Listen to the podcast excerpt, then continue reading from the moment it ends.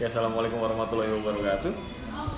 Eh, setelah libur dua episode, eh dua Dua episode, Pak. dua hari Senin ya. Iya, dua kali hari Senin. Senin. Kita kembali lagi di bicara kopi. Mungkin banyak yang penasaran. Nah, Itu karena kesibukan kita masing-masing iya, ternyata. ternyata, ternyata ini kita men- mau tidak mau, Tidak Pak. tahu. Ternyata kita ada kehidupan selain itu. selain podcast itu. Selain podcast kita punya kehidupan yang lain ternyata. Oke, ini masih bersama saya, Ricky Uco. Dan saya Ahmad Fajar. Lagi-lagi kita di luar, bukan kita berdua atau bertiga. Ramean, Pak ya. Ramean ini kali ini kayaknya ada acara di luar juga pada saat malam ini banyak membahas Iya. tentang apa sih omnibus cilaka ya Patron Jokowi yang baru Jadi kita bahas apa nih, Pak? Biasanya lo yang nanya gue gitu, Pak. rupanya kejar-kejaran ya. Saling ini melempar pertanyaan. Kemudian setelah berapa minggu ini kita udah nggak siaran terus kali ini kita mau bahas apa? Ya lu, kita kemarin salah satu dari kita kemarin ada datang eh, acara Iya. event besar yang event ya event tahu tahunan lah ya salah satunya. ICE sama event terbarunya apa kemarin? Indonesian Coffee People. Indonesian Coffee Bar itu perdana sih. Perdana. Beda tempat. Nah, beda bersamaan. konsep, tapi bersamaan. Eh ternyata yang Brewfest itu Brewfest Ya. ID itu juga barengan sama satu acara juga pak? Oh iya. Apa sih namanya? Yang bukan yang Tovin ya? Bukan? Bukan Taufik, satu lagi. Satu lagi. Di, di hari yang iya. sama tapi artisnya sama mak kayaknya giliran salah sebagian maksudnya yang terkait dengan brewer brewernya itu sama. Iya, ternyata bukan cuma kedai kopi yang berlomba-lomba, ternyata event kopi pun ternyata pada barang-barangan juga. iya. Jakarta rame banget. Dalam satu bulan ini berarti empat event, dalam masing-masing iya, bareng-barengan. iya satu minggu dua. Sayangnya yang Brewfest kita nggak sempat mencari berita. iya itu kapan kemarin eh, 2023. 2023 kemarin berarti hitungannya masih ya padahal tuh kayaknya beda ya dibanding event kopi yang biasanya maksudnya nggak cuma sekedar kompetisi nyeduh atau stand buzzer Ini penuh dengan pembicara-pembicara yang kayaknya top-top banget ya. Dan kedai pun lebih banyak ya, Ya. di sini. dan dan kayaknya juga nggak sebatas di kopi kayaknya ya. Atau mungkin kalau mau kopi tuh lebih kayak kayak industrinya lebih spesifik ya. Walaupun sebenarnya kalau pas kemarin itu kita lihat di ICE juga ada banyak juga kayaknya semacam coffee talknya itu yang eh, mungkin pembicaranya juga nggak melulu orang kopi gitu. Jadi kayaknya nih kalau gue lihat eh, industri kopi ini mau mencoba melebarkan sayapnya pak. Tidak lagi menyentuh ranah tidak cuma menyentuh dunia kopi sebagai sebuah produk ya kan? Bagaimana menyeduh kopi segala macam tapi hal-hal lain juga udah dicoba dirangkul nih. Asik sih. Iya, makin sih sebenarnya makin asik. Mungkin karena karena industri kopi berkembang, hampir setiap kota kayaknya punya perkembangan kedai kopi, pertumbuhan kedai kopi yang sama kayaknya, baik di sini atau di luar ya, Sumedang apa daerah-daerah kita. Iya, daerah-daerah kalau istilahnya itu apa? Bahkan daerah yang kalau istilah podcast sebelah itu apa? Kota-kota satelit ya, Iya, yang bukan ibu kota provinsi itu yang Benar-benar. itu juga berkembang. Mungkin nggak tahu kalau di Sumsel berkembang juga mungkin daerah-daerah sekitaran Palembang. Kalau nggak salah kemarin di Gau juga ada- event setidaknya. Di Gau. Iya, Linggau, Linggau event. event. pertama. Dari situ aja kita bisa nilai ternyata nggak nggak harus jadi ibu kota provinsi untuk berkembangnya tren kopi kedai kopi. Bahkan daerah gua dulu pak yang di Sumatera Utara itu juga lagi ngetren pak. Zaman dulu ya. Apa minuman? Bukan pak maksudnya daerah gua yang 6 jam dari Medan itu pak. Kalau memang udah lama sih tuh pak. Kayak nggak tahu aja. Nah itu juga udah udah tren. Maksudnya nggak harus monopoli kota besar lagi ternyata. Kayaknya memang kopi memang benar-benar ini ya. Nah, jadi ke mana nih kita mau bawanya nih pak? Kalau masalah tren ini.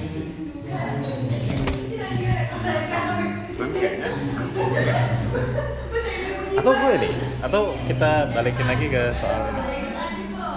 Kan kita ada posting tuh tadi postingan postingan teman kita kita posting lagi pak maksudnya. Tapi itu sebenarnya postingan lama 2019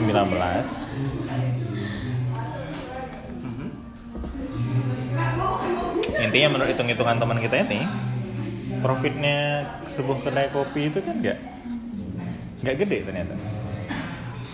Kalau kita ngomongin profit ya. Ya benar sih bang. Nah, ya lu punya kedai gitu udah 4 tahun? 4 tahun kan 4 tahun. Ya. Mungkin atau atau mungkin lo mungkin bisa cerita gimana sebenarnya pers, kalau misalnya teman kita mengklaim ya paling 10% ya. Dia bahkan berani hitung hitungnya di situ bilang 2% gitu loh. 2% itu banget itu sih sebenarnya kalau buat gue dari segi benchmarknya ya kan untuk sebuah kedai kopi ya. Sebuah bisnis. Bisnis untuk sebuah bisnis ya kan dua persen profit ya kalau kita ngomong profit. Dan itu pun profitnya paling masih ya kayak kalau kayak dia bilang malah belum belum sama, sama pajak ya. Kan iya bener. Mana kan gue tuh butuh 4 tahun pak untuk beli mesin. Tanpa riba dan tanpa investor ya mas artinya lu- ketika lu bilang ya lu juga baru nambah mesin kan? Hmm. artinya lu menginvestasikan kembali profit lu yang selama kata kita bilang 4 tahun gitu kan? Artinya tanpa investor luar tanpa pinjaman gitu kan. Artinya uang yang yang berputar di situ muter- muter-muter di situ akhirnya lu mesin 4 tahun. Ya mungkin case setiap kedai beda-beda. Tapi intinya kalau dari lu aja butuh 4 tahun gitu. ya gue aja satu tahun gue harus bakar duit ya kayak startup ya satu tahun gue pindah tempat kan? Oke jadi oh iya benar dari luar ke dalam lah ya. Nah, tahun kedua gue mulai ini tahun ketiga menuju tahun keempat ini gue baru itu pun gue baru bisa beli mesin ya, tanpa riba dan tanpa pinjaman gue kalau dibilang menguntungkan apa enggak ya menguntungkan. Cuma ya itu tadi sih mungkin hanya sekecil itu kali ya. Gua kalau hitung itu kan gue satu tahun satu tahun kemarin gue aja gue bukan nggak bersyukur ya. Nah, kata-kata gue mungkin akan menjadi gue aja cuma ngumpulin duit sekitar 200 jutaan lah dalam satu tahun. oke ha. itu kita bicara apa ini? Omset. Berbicara Eh, nilai bersih lah. nilai bersih oke. 80-an gitu deh. nilai bersih itu karena terkait omset dan biaya ya. Karena kan kalau kita ngomongin itu ya ada yang bisa lebih gede. Tapi kan karena pra, apa harga juga beda maksud gue gitu kan butuh tiga tahun tuh dapat segitu pak ya Oh, satu tahun Pak. oh iya dalam satu tahun maksudnya tahun ketiga maksudnya Tahun ketiga, tahun ketiga tuh gue baru ngerasain ya 180 200 jutaan lah ya. Kira-kira sekitar itu. Itu pun menurut gue eh, kalau dalam bukan sebuah pencapaian yang cukup besar Oke, itu besar. satu tahun kalau dapat segitu Oke. itu lumayan gue mikirnya gini sih sebenarnya apa ya kalau kita masukin nilai dengan sesuatu yang kita posting kemarin ya. Iya. karena gue tulis misalnya. Nah, Eh, secara logis sih mungkin agak susah juga karena akhirnya kita eh, melihat kemampuan atau daya beli dari pelanggan kita. Pelanggan kita. Kalau gue sih pelanggan gue naik dikit bingung juga. Ya. Itu jadi masalah apa ya Tapi lebih cocok kalau memang sih lebih gampang bicara persentase daripada nominal sih. Pak. mungkin mungkin kenapa itu menjadi dua persen iya. mungkin karena daya beli mereka dia nggak mungkin ngejual harga dua puluh lima ribu ya seperti yang podcast Iya. sebelah bilang. Iya. kita ini penjual sesuatu yang orang nggak butuh-butuh banget Nah itu pak. Kita bisa apa ya? Ya kopi, lu tinggal apa sih? Lu tinggal bu, apa buka sa- iya tinggal sobek kan sobek, lu tu, tuang, tuang air selesai. Tapi lu he- sajikan segelas kopi itu dengan harga 20 30 ribu gitu kan. iya dengan maksudnya gue bukan menyalahkan hospitality ya Oke. maksudnya dengan sesuatu yang dibumbui sama hospitality lah ya Nah, gue tuh eh, kalau kalau memang itu nilainya itu maksud gue nggak nyampe memang gitu. nggak nyampe. Oh, maksudnya yang nggak nyampe itu nggak nyampe Iya, ke ya lu mau jual kopi yang sebenarnya dia bisa bikin di rumah dengan bumbu-bumbu hospitality Iya. dulu menjelaskan hal ini hal itu tuh menurut gua nggak memberi nilai tambah tuh untuk untuk dia berpikir untuk oh ya gua harus bayar tiga puluh lima ribu gara-gara dia jelasin itu iya, gitu. Sebenarnya nggak juga ya. walaupun dia sebenarnya dapat experience ya main kita gitu katakanlah gitu Hah. Terus Starbucks kan dia berangkatnya dari experience makanya dia ada namanya Starbucks experience Oh gitu. Ya, jadi kalau di, Star- Experience dia apa yang dia jual di Starbucks? di Starbucks tuh lu memesan kopi Heeh. dan lu bisa custom gitu salah satunya terus lu dilayanin gitu Maksudnya bisa custom nggak? Emang lo bisa pesan menu di luar yang sudah terpampang di belakang oh itu? iya dong bisa Oh bisa bang? tinggal edisional aja lo mampu bayar apa enggak Oh gitu. Oh, Tapi pada prinsip bisa pak, tanpa dia harus nawarin. tanpa dia Kabinnya kan dia nawarin entah nambahin whipped cream, karamel sirup, bla bla bla gitu loh pak. bisa lu bisa nambahin cappuccino anget lu pakai whipped cream Pak. Oh bisa. tapi dia edisional Oke oke. Experience yang orang ditegurin begitu masuk ya itu kan bumbu-bumbu hospitality makanya yang menjual di coffee shop sebenarnya experience gue bilang kalau secara produk ini agak susah juga ya kalau kita bilang bahwa kopi di sini enak bakaran deh itu sebenarnya iya mungkin mungkin aja sih Mungkin ya. aja, oke, Tapi ya. jauh dari sebelum kita buka ini orang-orang pada menjual experience gitu. Ya. experience ketika orang-orang datang ke lu lah gitu. Tapi ada juga yang nggak kemakan pak experience pak. Nah itu yang jadi masalah. Ada yang nggak nggak kemakan kalau dia harus kalau dia harus mesen di depan lalu bayar dulu Iya, ya kan. Ada orang yang pengennya ya, ya gue duduk ya lu layanin dong. Iya kan akhirnya kembali ke kebudayaan masing-masing, Pak. Iya. Walaupun Palembang nggak punya budaya yang leket yang gitu. leket ya kita bilang. Makanya gampang aja Kayak kayaknya. cerita Ah. orang Medan ke Bandung Ah, ikut seminar iya. Terus pakai gaya hospitality ala itu nggak bisa juga. Ternyata nggak bisa. Ternyata ya susah masuknya. Lu tahu sendiri orang Medan.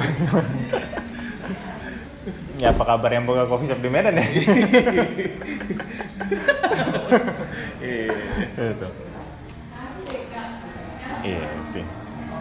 Eh, kalau ngomong itu memang makanya kan eh, belum lagi ketika nah itu ada dua dua hal yang agak apa ya gimana kontras lah kita bilangnya bukan timpang kontras.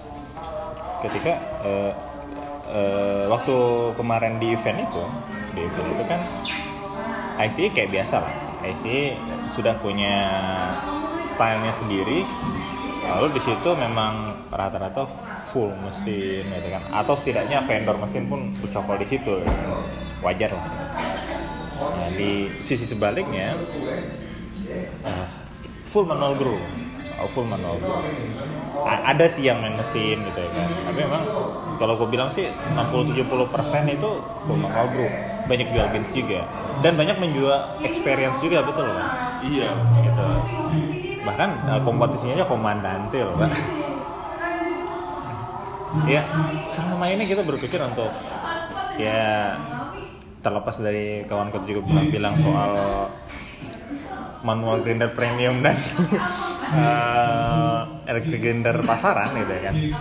Tetap aja kan manual grinder adalah manual grinder tapi ini di event kan dilombakan. Dan itu menjadi semacam daya tarik loh pak Iya. Udah harganya. Iya, yang grinder mesin. dua kali pak.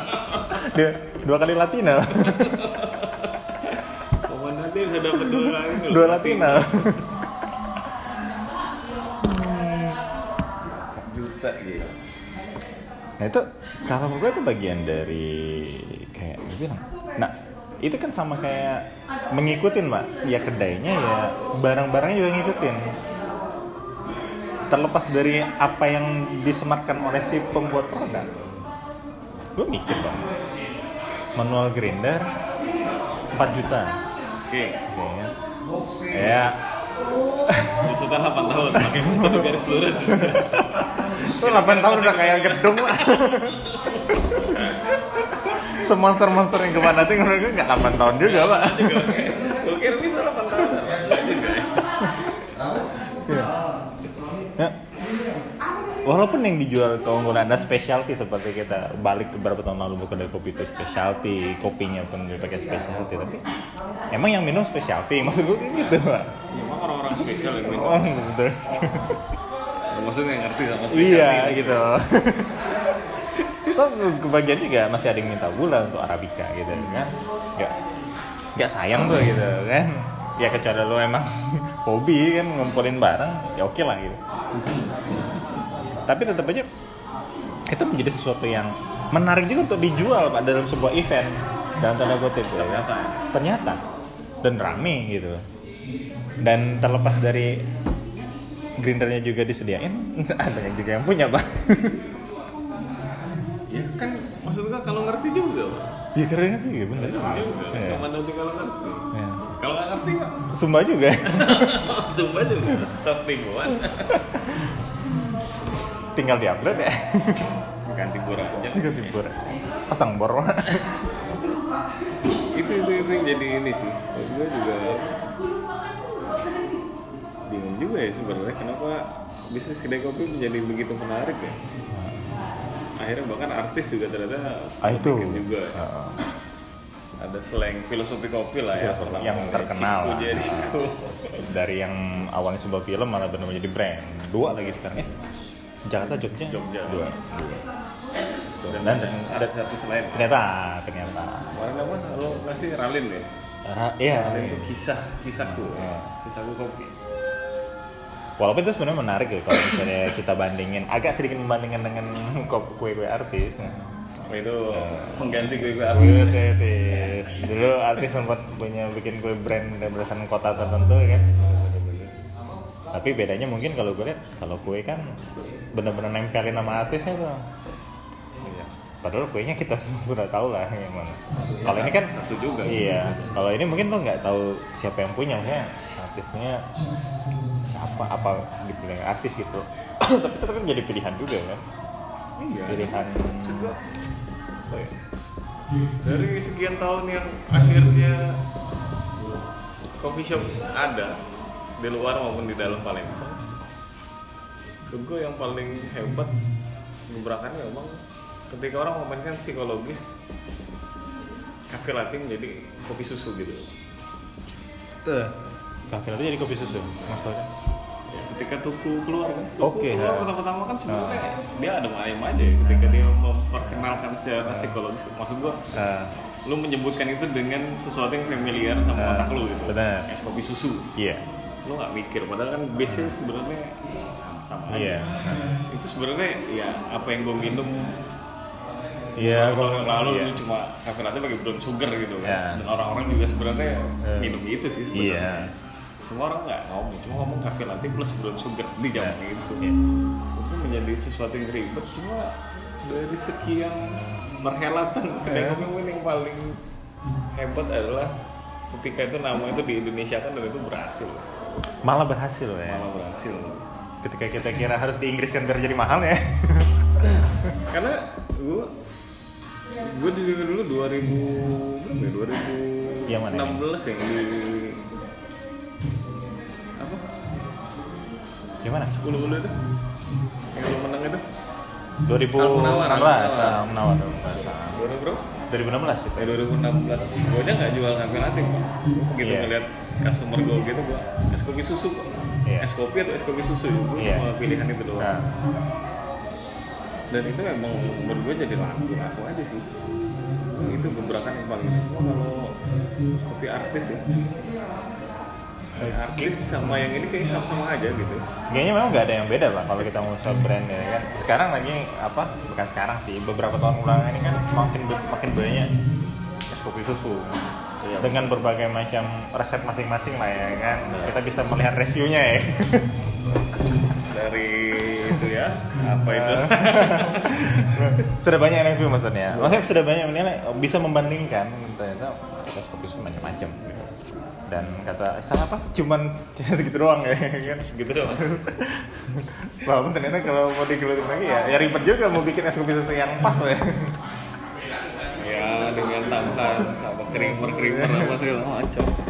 atau mas sekarang mau ngetren lagi pak bukan es kopi susu pak regal Oh, kayaknya itu nggak bakal Nggak lama. kali nggak lama. sekilas aja itu. Ya itu menciptakan sesuatu yang pengennya beda dari es kopi susu. Eh basicnya tetap gitu sih. Jadi ada memang ada dua ada, Pak. Eh, ketika dan sekarang pun kedai itu seolah-olah kayak pernah kita singgung sih. Aha. Ketika kedai itu buka, jangan-jangan yang pertama mereka cari itu bukan bagaimana resep V60. Tapi bagaimana? Es kopi susu. Iya, iya. Sementara yang dijajarin single origin gitu ya kan. Dan V60 dripper ya. Agak unik sebenarnya. Tapi kalau misalnya lu menilai eh, es kopi susu di sebuah kedai kopi, seberapa mendongkrak itu kalau kita balik ke tadi ke omset atau ke profit? Karena pasti es kopi susu punya cost lebih gede, maksud gua gitu. Kok nggak juga lah? Nah kalau es kopi susu pak, itu kan sebenarnya dia lebih mendorong nggak sih untuk untuk omset gitu? Karena ya kalau omset ya mendorong lah ya, cuma secara profit lah. Karena costnya lebih tinggi kan. Kalau untuk Enggak juga sih susu. Kok nggak bisa bilang saya tinggi cuma kita Nah. memang kayak menyempatkan diri untuk punya blend yang berbeda aja. blend yang ber- blend yang berbeda. Ya, kosnya masuk. oh gitu. Iya. Soalnya secara ini sebenarnya memang kalau lu mau bicara bahwa es kopi mendongkrak banyak Hmm. misalnya katakan Iya. Cuma selama di Jakarta kayaknya hampir rata-rata tuh rasanya eh harga tuh 18.000 sampai 20.000, Pak. Iya. Ada sih jual yang Iya, lebih tapi nggak ada yang lebih yang dan tanda kutip specialty semahal latte bener bener Ada beneran. 35, Pak.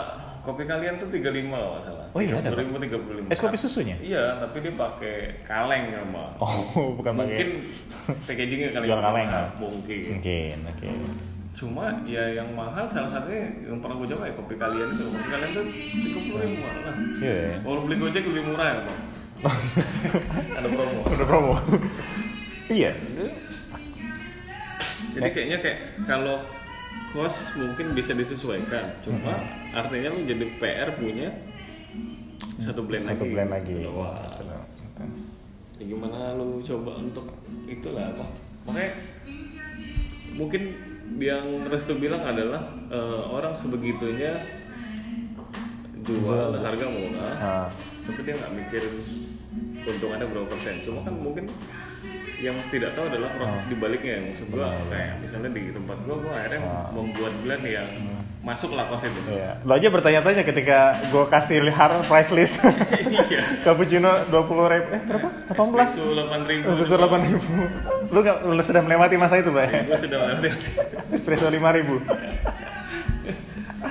gua ya apa namanya menurut gua harga tuh mungkin bisa aja disesuaikan sih bisa aja disesuaikan kecuali eh, Restu bilang kayak gitu karena dia ngambil bisnisnya sama Restu gitu. Oh iya. jadi dia tahu oh enggak masa sih lu jual segini gitu Nah, misalnya ya nah. lu tuh cuma sekian persen kayak gitu Iya. kan cuma kalau nyatanya dia bikin sendiri atau misalnya dia punya blend sendiri Iya. di roastery yang lebih murah tanpa Nah. nilai value tadi bisa Bisa. Ya bisa bisa ya, maksud gua mungkin masuk antara keuntungan lo mau 2% atau 10% gua rasa dalam bisnisnya ada sebuah strategi yang apa ya marketing kali ya namanya kali ya Yang ya artinya lo buang-buang duit di awal Oh, gitu iya. kan supaya orang datang dulu habis itu barulah lu ceritanya beda gitu mungkin Mungkin, ya bisa jadi. bisa jadi Ya, lu sendiri bilang kan bisnis kopi apa? Bukan bisnis makanan, eh bukan bisnis minuman. Minuman. Bisnis hiburan. Bisnis experience experience. memang Ya benar, kita nonton juga experience sebenarnya, bukan materi filmnya aja. Pengalaman menontonnya. Pengalaman menonton makanya kalau ya gue tanya sama Eh, kalau ada film drama kira-kira Iya. lu mau nggak nonton di bioskop Ah, agak males sih. Gak males kan Eh. efek nggak ada Nggak gitu ada. kan terus Iya, so, Iya. apa sih suaranya? Ya skip gue nanti takutnya. gue pernah kejadian soalnya bang. Lu mau suron berapa? Iya, tujuh nggak ada satu, dam-dum-dam-dum ya. Ada itu gitu loh. Jadi Cuman ada suara kring gitu. iya, kalau lu cuma ngopi, tapi lu nggak ada experience maksud Iya. gua, nggak ada nilai hiburan ya. Itu sama kayak lu datang ke bioskop tapi nonton film drama. Hmm. Sumpah gua gua Iya. lama kerja di bioskop. Iya. gua aja yang nggak bayar pak masuk. Iya. Gua malas banget masuk ke dalam ruangan bioskop untuk nonton drama gitu. Iya. Eh, biarlah nunggu lah bajakannya atau Ah, ya apalah ya, ada di, ya, ada ada di TV lah, nunggu di TV lah ya, Iya. yang resmi lah ya. Ah.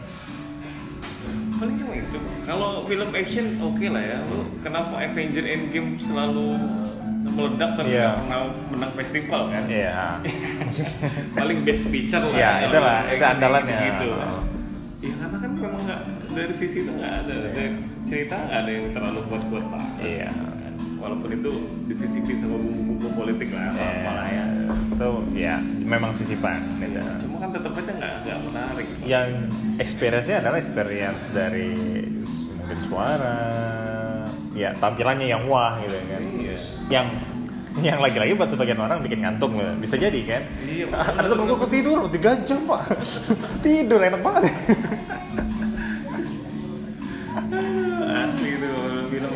tapi experience-nya gak masuk. Iya.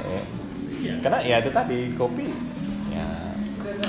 Sesimpel ya oke lah. Lo mau yang kopi yang bagus ya lo beli roast beef.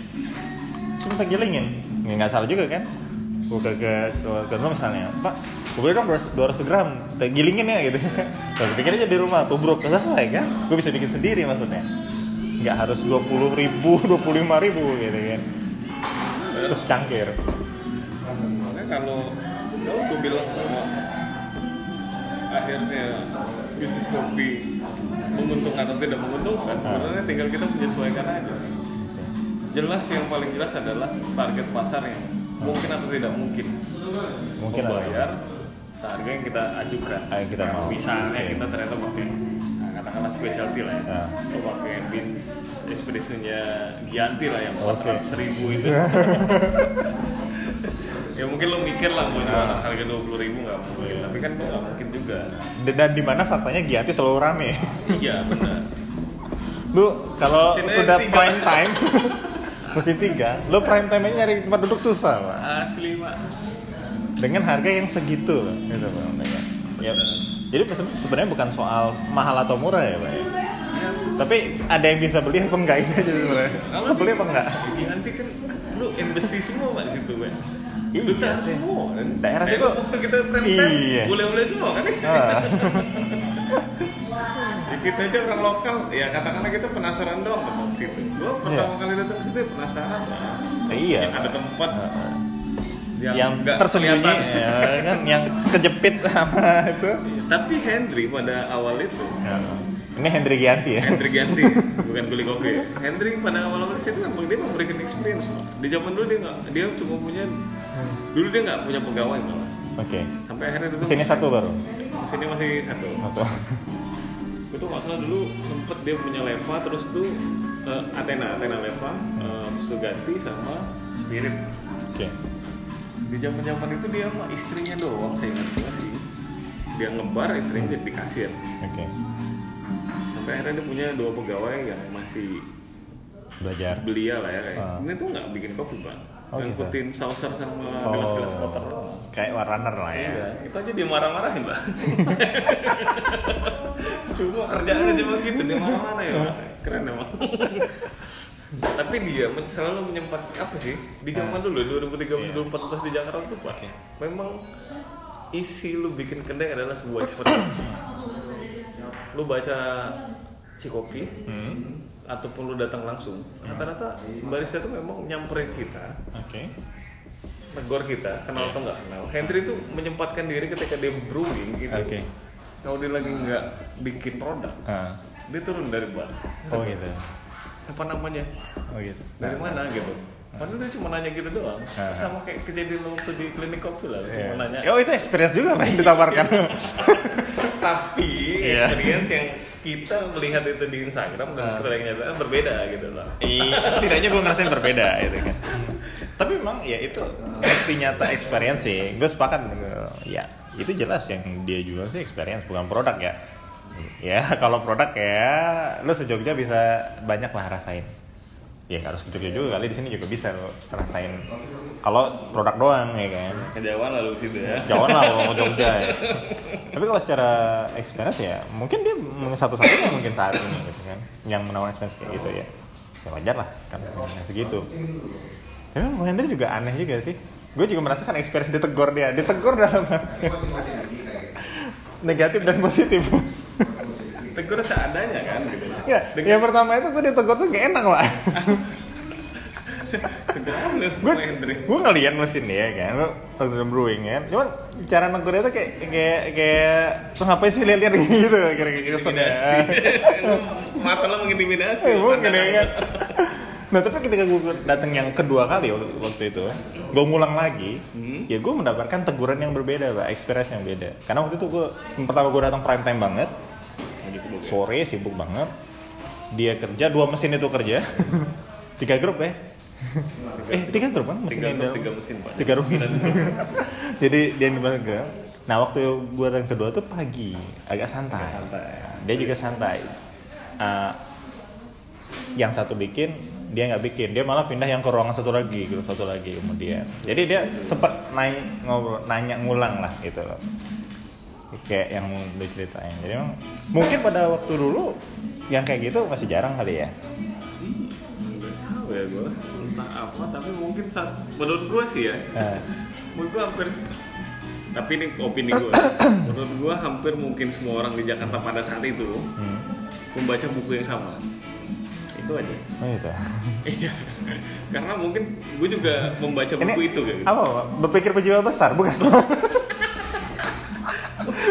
sorry itu bukan MLM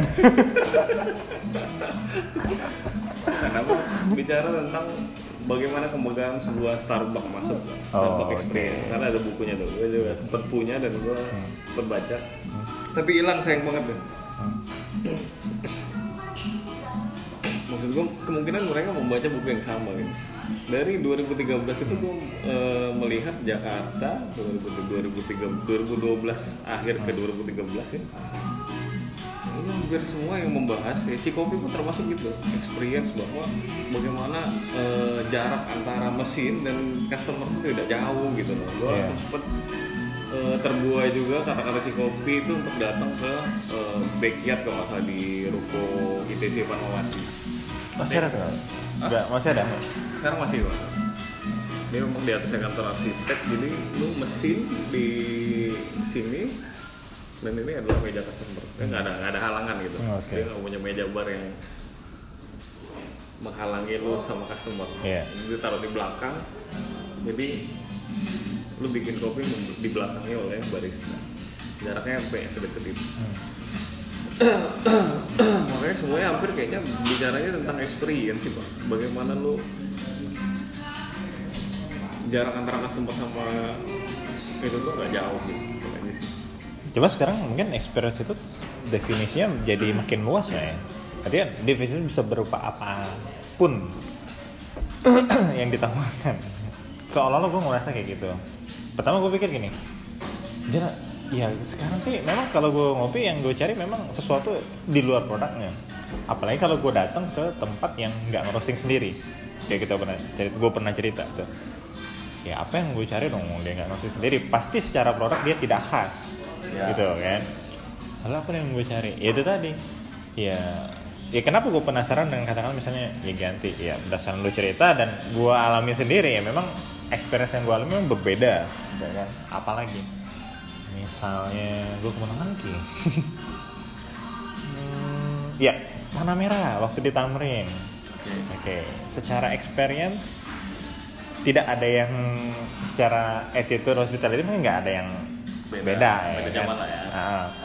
tapi memang ambience yang ditawarkan beda atau sesimpel yang di waktu gue ke Jogja itu di antara beberapa yang gue datengin kopi kecil itu kopi kecil justru yang tidak menawarkan sesuatu yang khusus sebenarnya ketika kita datang tapi ya gue mendapatkan experience sendiri ya kan yang Dengan yang tempat yang sekecil tempat sekecil itu maksud gua experience itu sebenarnya kadang atau gua nggak tahu nih.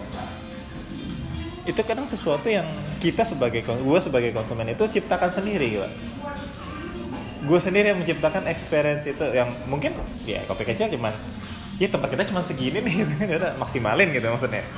Kalau sekarang ya, kalau dulu kayaknya diciptakan oleh diciptakan kedai deh. kedai ya?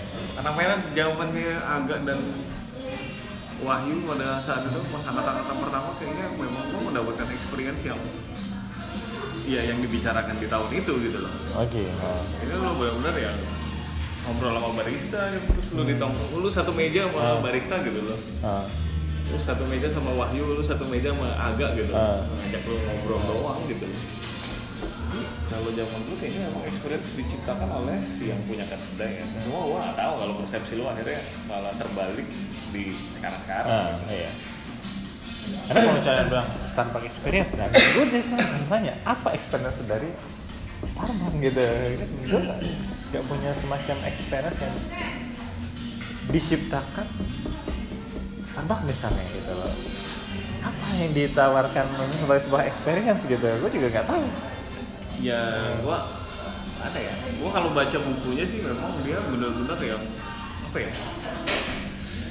Gue eh, inget banget bahwa eh, di buku itu pokoknya eh, memang si Howard Schultz menciptakan experience Ah. dalam artian lo nggak tahu mungkin kehidupan atau kehidupan atau budaya di Amerika yang tidak saling bertegur sapa lah atau Ah, gimana gitu. oke. Jadi mereka memang menegur dan terus tuh minuman lu bisa kasem terus tuh sambil nunggu lu diajak kayak connect gitu loh. Hmm. Jadi kita ada sebuah keharusan kayak harus ngajakin dia ngobrol lah. Ah. Kalau gua dulu Ah. kerja di Starbucks gitu. Jadi eh, mau di bandara, mau flight ke mana pak? Gitu. Iya. Padahal pertanyaan itu nggak penting. Bahkan kadang itu Ah. mungkin bikin risih sebagian orang. Betul. kan. Gue pernah nanya sama lu namanya, lu namanya nggak mungkin bukan main gitu. Ayo flight pagi-pagi terus Iya. gue tegur gue, Ah. wah maksud gue kok SOP gitu. Iya. Tapi ternyata dia tidak nyaman dengan itu. Padahal gue nggak minta foto. Dan videonya tuh belum belum ada zaman dulu. Yang sama Ariel itu. ya itu mungkin kena ya kalau Starbucks ini mungkin dibuat sana pak Iya dan dia punya ya sesuatu yang di satu sisi mungkin nggak cocok atau mungkin nggak cocok dalam artian ya mungkin di sana juga bermasalah kali pak kalau lu nanya-nanya atau nggak cocoknya ya emang kita biasa nanya-nanya pak biasa ngobrol gitu Iya. kayak lu cerita bahwa lu di luar ada orang yang kalau nggak salah lu pernah cerita Bu. ada orang yang dengan briliannya mengusulkan sebuah meja komunal Iya betul. Padahal kan buat kita meja komunal mah Biasa aja. biasa aja. lo deh, ya lu main ke daerah-daerah Melayu, pesisir, warung kopi masih kayak gitu semua, Pak. Gitu loh. Enggak. Itu bukan ide yang brilian menurut buat sih. Kalau buat orang Sana, ya. mungkin iya kali. Experience yang berbeda tawarkan. Tapi Starbucks salah satunya itu gue baca dan tapi itu eh, experience itu menciptakan eh, experience buat pegawai juga pak. Jadi dia tuh sampai ke supervisor itu tuh kalau gue pernah baca tuh ini Ah. sampai ketika pegawainya sakit pun eh, si apa nggak ada kendaraan si Ah. supervisor tuh bisa aja dengan ikhlas tuh ngejemputin anak buahnya satu-satu kayak gitu Itu gitu. saking itu tuh experience itu melekat sama dari barista itu sendiri gitu juga dengan dengan dengan ya kurang lebih gitu sih walaupun memang sebenarnya Schultz juga kiblatnya ke Italia juga sih Pak lo connect itu sebenarnya kayak sebuah keharusan ketika lo di warung kopi gitu ya. kalau di Italia lah ya lo dari Oh di sana ngobrol juga, Be. Iya, Ngobrol-ngobrol juga ya. Nah jadi kalau nggak negor itu ya? Mungkin lu bakal dijauhin lah gitu. Iya. Walaupun dia cuma Hmm. pesen satu, eh, Es- satu single espresso. lah ya. Seberapa cepat sa- satu single espresso di sana? Nah, gitu. Nyeduh ya. Tapi itu harus menegur gitu loh. Walaupun dia pesen minuman yang secepat itu disajikan dan secepat itu pun hilang gitu loh.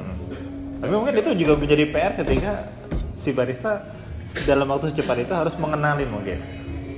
Gimana atau dia balik lagi? Iya iya iya. Itu Iya. salah satu efek dari ketika lu connect sama customer. Hmm.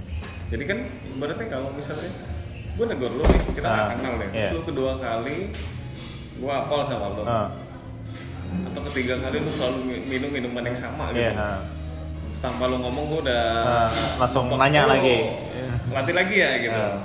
oke keempat kali lu sama temen lu tapi lu ditegur gitu eh Ah. mas Fajar apa kabar gitu Ah. misalnya. itu kan jadi kayak prestis banget Iya. Temen lu juga kan masih "Wah, si Fajar kan sama ini kan gitu hebat banget gitu biasa aja Biasa sih. aja. Padahal itu udah di CCTV itu siapa? siapa nih datang ke sini di sini kan intercom ya Iya. experience lebih ke situ sih Lebih ke situ. Makanya lu ditanyain nama kan di segala macam itu juga salah satu bentuk eh experience yang Kang Starbucks ciptakan gitu di cup lu namanya apa dan Oh. ya mungkin Hotspot eh, sudah bisa menebak bahwa itu akan berefek ke baristanya ketika orang tuh datang ketiga Iya. kali lu kebangetan lah kalau Eh, pal juga apa, sama satu orang ini yang Nah. udah tiap hari ke situ misalnya Iya, oke. Ha. Nggak pernah. Ini kayaknya pernah ke sini ya. siapa ya Siapa ya? gue karena ketika gue eh, gue bilang experience itu bisa jadi tempatnya nggak apa ya ya mungkin tidak memiliki konsep yang diniatkan banget lah. Tapi mungkin dia eh, apa ya kalau misalnya kita komunal misalnya tempat nongkrongnya ramean itu bagian dari experience yang diciptakan atau kita konsumen yang menciptakan? Kalau menurut gue sih Kalau menciptakan. itu sebenarnya nah ini gue bisa menjawab ini pak Enggak, itu juga sebuah experience yang ternyata eh, sebuah perusahaan atau sebuah kedai kopi ciptakan. Oh gitu. Jadi kayak misalnya eh, Nike lah ya, Oke. sepatu nih brand Ya. sepatu. Kalau lu ngeliat Instagram ya, sebenarnya yang dia hadirkan di Ya. Instagram itu bukan produk, Pak. Oke, gue gak pernah matiin sih. Oke, terus? Hah? Tapi yang diciptakan adalah sebuah eh, foto-foto dari komunitas No, oke. yang Ah, dia mencoba seolah-olah mendukung atau memang mendukung. Oke, ya. Jadi ada komunitas kegiatan Ah. dia ada gitu loh. Dia apa? dan nggak sedikit nggak sedikit juga bukan artis yang mereka support gitu. Misalnya Ya, apalah. ya. Instruktur gym. Oke, ya. nggak mungkin followernya agak banyak tapi dia belum seterkenal itu lah oke. maksudnya orang lain juga belum tentu kalau lo nggak Ah. nge-gym nggak bakal tahu Iya, gitu, ah. gitu, gitu. tapi dia coba menampilkan itu di Instagram dia pak jadi dia benar-benar yang nge base nya adalah eh, kalau gue perhatiin adalah memberikan sesuatu tentang komunitas yang eh, berhubungan sama hal-hal yang lah ya Iya, Kayak seperti- dia jual- sesuai dengan produk dia lah. Kita makanya gue bilang. kalau misalnya lo punya Ah. meja komunal Ah, kalau lu bilang tuh kalian yang menciptakan atau ini Ah. gua bisa bilang bahwa itu sebenarnya kedai juga yang menciptakan gitu kan. Juga, tuh ya, kayak eh, di salah satu kedai yang nggak jual kopi dia memang menciptakan eh, tempat yang untuk orang main gap Oke, ah. Dan dia Iya. mendukung banget itu ya salah satunya dia bikin asbak yang jauh lebih besar misalnya katakanlah gitu atau asbak yang tidak di meja tapi di samping, Samping, meja ya. itu kan sebenarnya dia menciptakan secara langsung Iya, benar. ya nggak bisa bilang bahwa experience itu mungkin kita sendiri yang menciptakan mungkin mood lo untuk datang ke situ mungkin mungkin iya lo yang Iya, menciptakan betul, gitu. tapi kalau experience kayaknya enggak dari beberapa yang gue coba lihat eh, perusahaan-perusahaan besar rata-rata gue bisa bilang bahwa kayaknya mereka sendiri deh yang menciptakan Artinya preferensi gua kita, gua ke sebuah kedai itu memang tergantung ya itu tadi. Mungkin kalau gue pengen sendiri gue akan cari kedai yang memang mendesain dirinya untuk ya lo bisa datang sini sendiri gitu. Tapi kalau misalnya gitu mau ngajak teman-teman gue ramean, lo tempat siapa tempat gitu. yang inilah gitu ya kan yang cari tempat yang lebih oke untuk ramean gitu iya ya experience itu memang kayak ya sudah disediakan tinggal kita yang menyesuaikan ya. Iya betul. Iya. nggak mungkin juga ramean ke tempat yang ya lo nggak mungkin bawa anak lo ke tempat gua lah. Iya kan? Iya agak mikir sih mas. Ngerokok apa segala macam. Walaupun sebenarnya Nah. kalau gue bawa anak gue ke kedai Pak, iya. dan gue taruh anak gue di dalam Hah? di bagian dalam semua orang yang ngerokok tuh keluar pak sebenarnya gitu. Iya. artinya eh, cuma dengan sugesti yang sudah seperti itu memang rata-rata tidak akan berani gitu Iya. Ya setidaknya di set awalnya ya tidak menjadi pilihan pertama Iya, gitu. benar kayak kalau gue bilang itu sebenarnya mereka kasihan sendiri sih makanya tinggal bagaimana aja lo menciptakan experience itu lebih ke mana maksud gue atau kalau memang ke komunitas ya berarti lo membiarkan untuk orang-orang datang eh, dalam bentuk hiburan mungkin menghibur diri dia sendiri gitu Hmm. dengan main kap atau main kartu Iya. gitu MOBA apa segala macam lah, Mobile Legend dan lain-lain itu. Ya kan lu bohong lah kalau misalnya lu punya kedai eh, komunitas lu main PUBG terus lu tiba-tiba nggak nambahin colokan kan? Iya. Ya, artinya lu kan artinya akhirnya lu menciptakan, Menciptakan juga. komunitas lu datang ke situ gitu. Atau kalau memang lo nggak setuju ya lo berusaha bagaimana orang itu menjadi tidak nyaman gitu ya kan? Iya benar. Nah, seperti gue. Artinya sebenarnya ya dari gue aja sebenarnya gue bisa menciptakan orang itu yang ini disikir, yang ini lo masuk, Masuk. yang lain Iya. gitu loh. Gitu. Dan itu juga tetap harus memperhatikan gitu ya, balik tadi. Dia bisa beli nggak gitu kan? Dia bisa beli nggak dengan harga yang lu tawarkan? Ya buat yang mau belajar apa segala macam ya pasti kan lebih nyaman ke kopi dewa kan.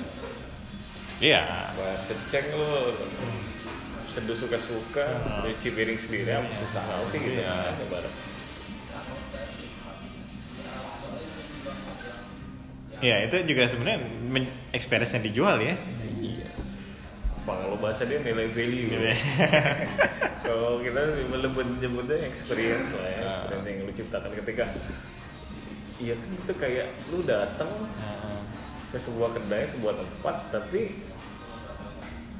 begitu pulang lu tuh mikir, oh kalau gua datangnya ramean, berarti pilihannya akan ke situ gitu. Iya. Gitu kira-kira. Kalau mau mau ngulik-ngulik ya tapi nggak punya alat, lu mungkin bisa ke sana. Iya. Ke tempat yang menawarkan itu. Maksudnya intinya adalah ketika lu ketika orang lain berlomba-lomba menciptakan sebuah kedai eh, mungkin kita pernah bahas bahwa itu sesuatu apa dulu kita bilang ciri khas ya Ciri khasnya. tapi mungkin dalam bahasa yang lebih sulitnya adalah itu adalah sebuah experience pengalaman lu ketika lu datang ke situ dan lu akan berpikir lebih banyak ketika eh, lu datang ke situ tapi tidak sesuai dengan tujuannya Hmm. Karena gue kenapa misalnya orang bilang ke beberapa lah nggak nggak satu nggak dua. Oh ya bu, buka coffee shop sendiri lah gitu segala macam ya. Ya jujur aja gue nggak tahu apa yang bisa gue tawarkan. Ya gue gue harus bikin apa gitu loh Maksudnya, ya oke lah kalau bikin produk gue pede lah. Tapi experience hospitality apa yang bisa gue tawarkan gitu. Yang yang itu yang sebenarnya yang gue pikirin dan kayak lo bilang tadi experience itu dibuat sama yang punya kedai lah gitu kan.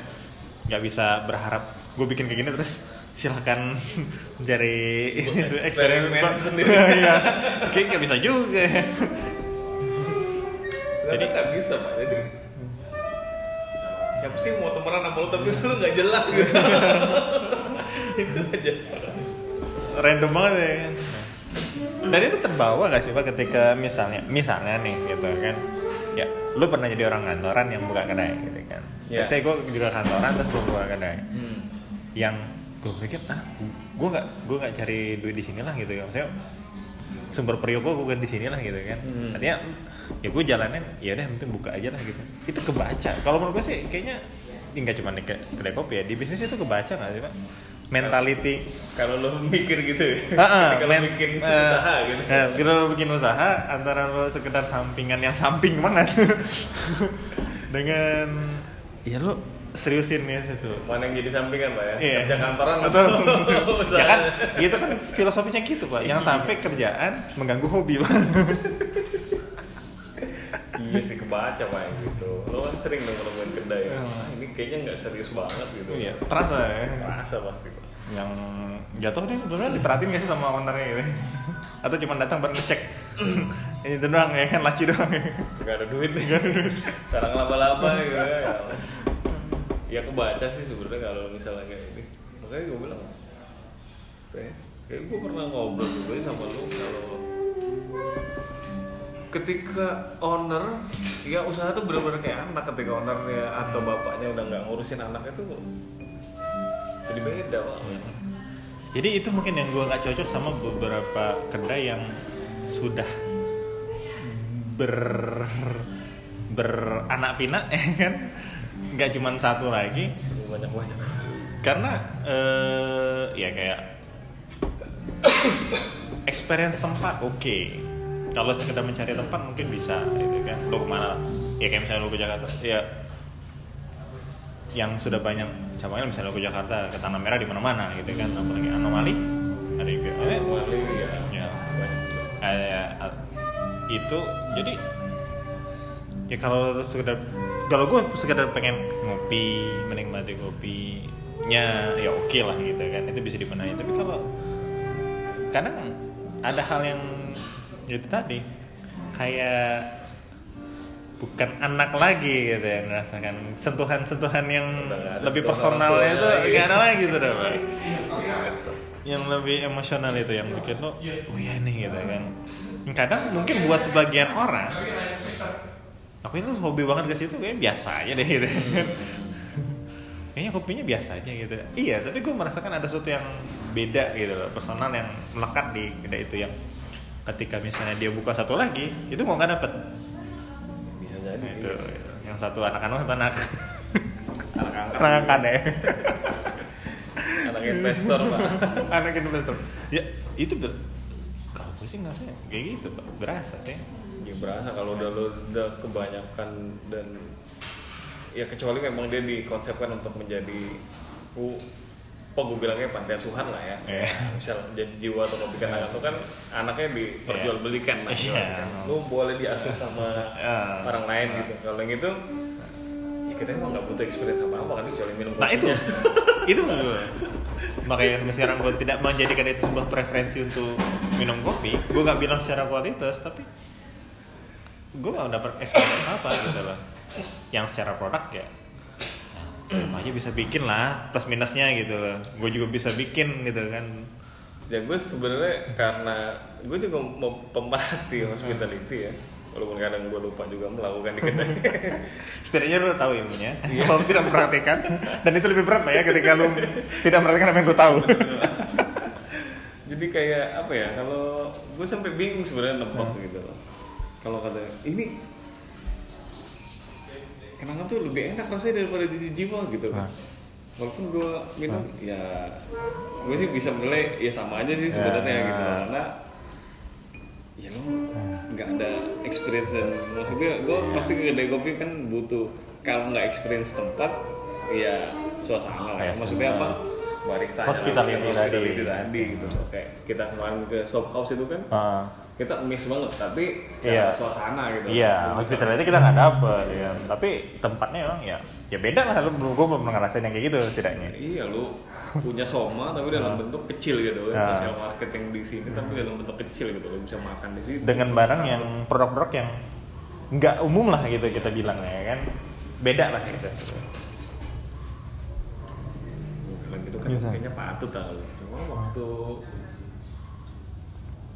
Iya bener sih kalau bang gua ke terakhir gua ke Pigeonhole. Ah, pigeonhole yang Pigeonhole yang di pusat yang di Oke. Bintaro. Jadi gue udah nggak menemukan experience sama apa sih gue dateng ngopi. Udah di rumah aja gitu. Se- dan memang saat itu siang Bintaro tuh kayak sesuatu yang sepi sih. Bintaro yang ngerami cuma kopi manyar kayaknya namanya Pokoknya di Bintaro Oh. sangat si Jakarta ya Bintaro gua kalau Bintaro kayaknya yang itu dan kayaknya kopi Manyar karena memang cuma satu gitu nah. Kan udah banyak gitu Iya. Jakarta pusat ada di Bintaro itu ada jadi gua memang tidak bener kalau lu bilang sih ketika udah banyak tuh susah emang padahal itu mother ya Nah. Under store itu. Under store. Ya sama kayak ketika gue mencari-cari store Starbucks yang lo bilang itu pak Di mana sih? eh bukan yang gue cari apa reserve ya? Oh, reserve. Oh gini gitu ya udah.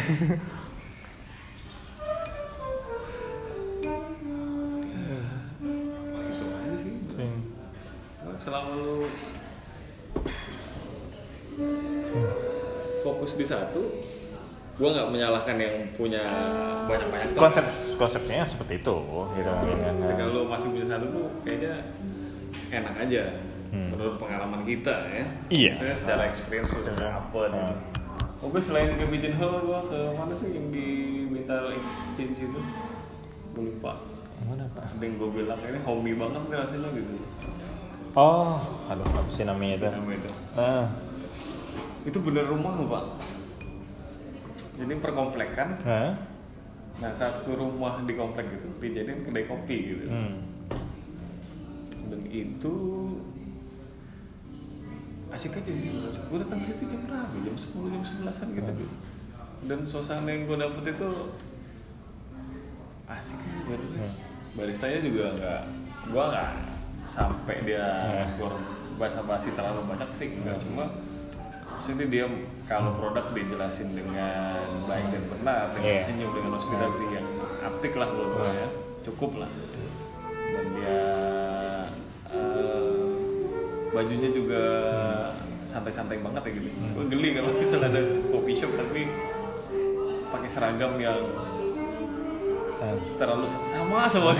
Jadi kayak membedakan lu gawai dan gue adalah customer gitu. Kayak itu lebih santai gitu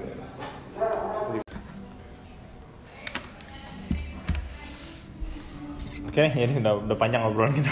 asli tentang nih gue mau buka nasi dapur gue dan yang lain-lain ya Hmm.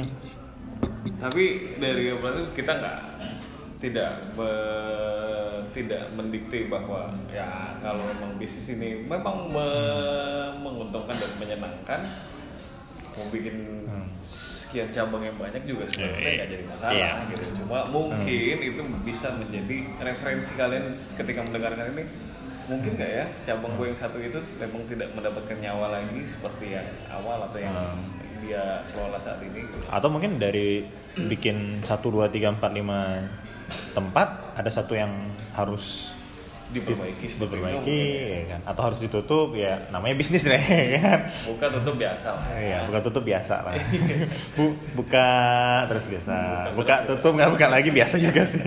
buka tutup pindah biasa juga gitu Biasa juga. ya. itu sebagai referensi mungkin eh, obrolan tadi ada benernya juga bahwa tentang sebuah experience seperti apa dan eh, buat yang sudah mengasuhkan eh, anak-anaknya untuk diinvestasikan oleh orang lain yang mungkin kehilangan sentuhan dari pemilik asli ya mungkin itu menjadi sebuah pertimbangan ketika mendengarkan podcast ini. Apa pun itu dan siapa pun itu di luar sana. Tapi eh, tetap kita tidak menyalahkan. Kalau memang bisa punya istri lebih dari empat dan adil kan? Ya sah sah aja gitu kan? Ya, selama lu nggak bisa ya jangan gitu maksudnya. Agak Kira-kira frontal kan sih gitu. contohnya. ya kalau gitu kira-kira. Iya. Kira-kira aja. Ya. kira-kira aja gitu analogi lu gitu. Kalau ya gue secara pribadi ya gue nggak gue belum bisa punya Ya, istri dan anak yang banyak gue gue sampai gue bahkan pernah nanya gitu kan kalau lu punya duit sekian gitu kan apa yang akan lu lakukan dengan kedai lu? Ya kan apakah lu upgrade atau lu buka yang baru. Eh, buka yang baru? Buka cabang lah gitu gitu. Ya.